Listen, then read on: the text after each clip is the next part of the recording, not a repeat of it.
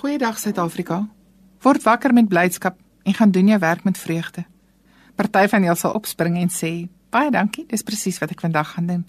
Ander sal dalk ewe getrou rustig, maar met nie te veel entoesiasme die dag aanpak nie. Terwyl ander nog sal kla en sê: "Werk, wat se werk? Of ek haat wat ek doen. Wens dit was al Vrydag." Een van die goed wat ons altyd vir kinders en jong mense vra is: "Wat wil jy eendag gaan doen as jy groot is?" Hoekom is hierdie vraag so belangrik? Hoekom is skole so ingestel om leerders hoop en inligting te gee om hul belangstelling te prikkel en hom nuuskierig te maak en hul te leer oor die lewe en wat dit behels? Gaan dit net oor werk?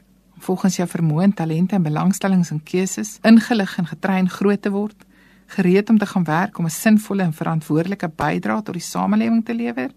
Nee. Hierdie vraag oor enigse besig wees, enigse bydrae lewer, gaan oor iets baie dieper. Dit gaan oor die soeke na die sin van die lewe. Dit gaan oor die leef van 'n betekenisvolle lewe. Betekenisvol vir jou en wie jy is. Hoe gaan ons daarby uitkom? Ons as gelowiges gaan self en vir ons kinders daaroor bid.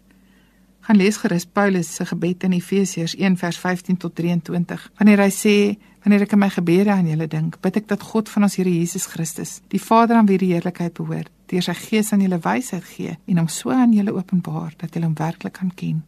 Ek bid dat hy julle geestesoë so verhelder dat julle weet watter hoop sy roeping inhou en watter rykdom daar is in die heerlike erfenis wat hy vir gelowiges bestem het.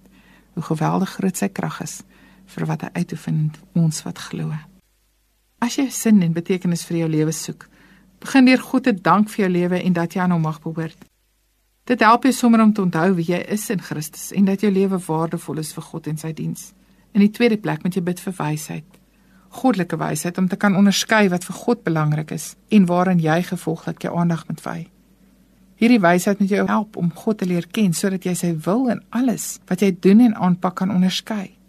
God roep elke gelowige tot sy diens. Maak nie saak in watter werk dit gestel te kry nie. Jy werk in die eerste instansie vir God. En jou roeping sal as dit in lyn is met wie God jou gemaak het en waarvoor jou talente beplan is, dan sal dit vir jou baie vreugde bring in wat jy doen. Vra ook vir die Here se krag om te doen waarvoor hy jou bestem het om jy besig te wees. Want enige werk verg moeite. Dit verg energie, dit verg 'n vlak van opleiding en ontwikkeling van vermoë en vaardighede. Werk vra ook verantwoordelikheid. En vir al hierdie goed het mens krag en moed nodig. Bo natuurlik en dit kry jy by God.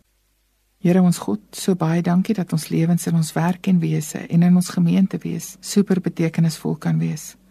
Omdat ons identiteit in U gevind het en omdat ons deur U geroep is tot lewe en werk en tot die eer van U koninkryk.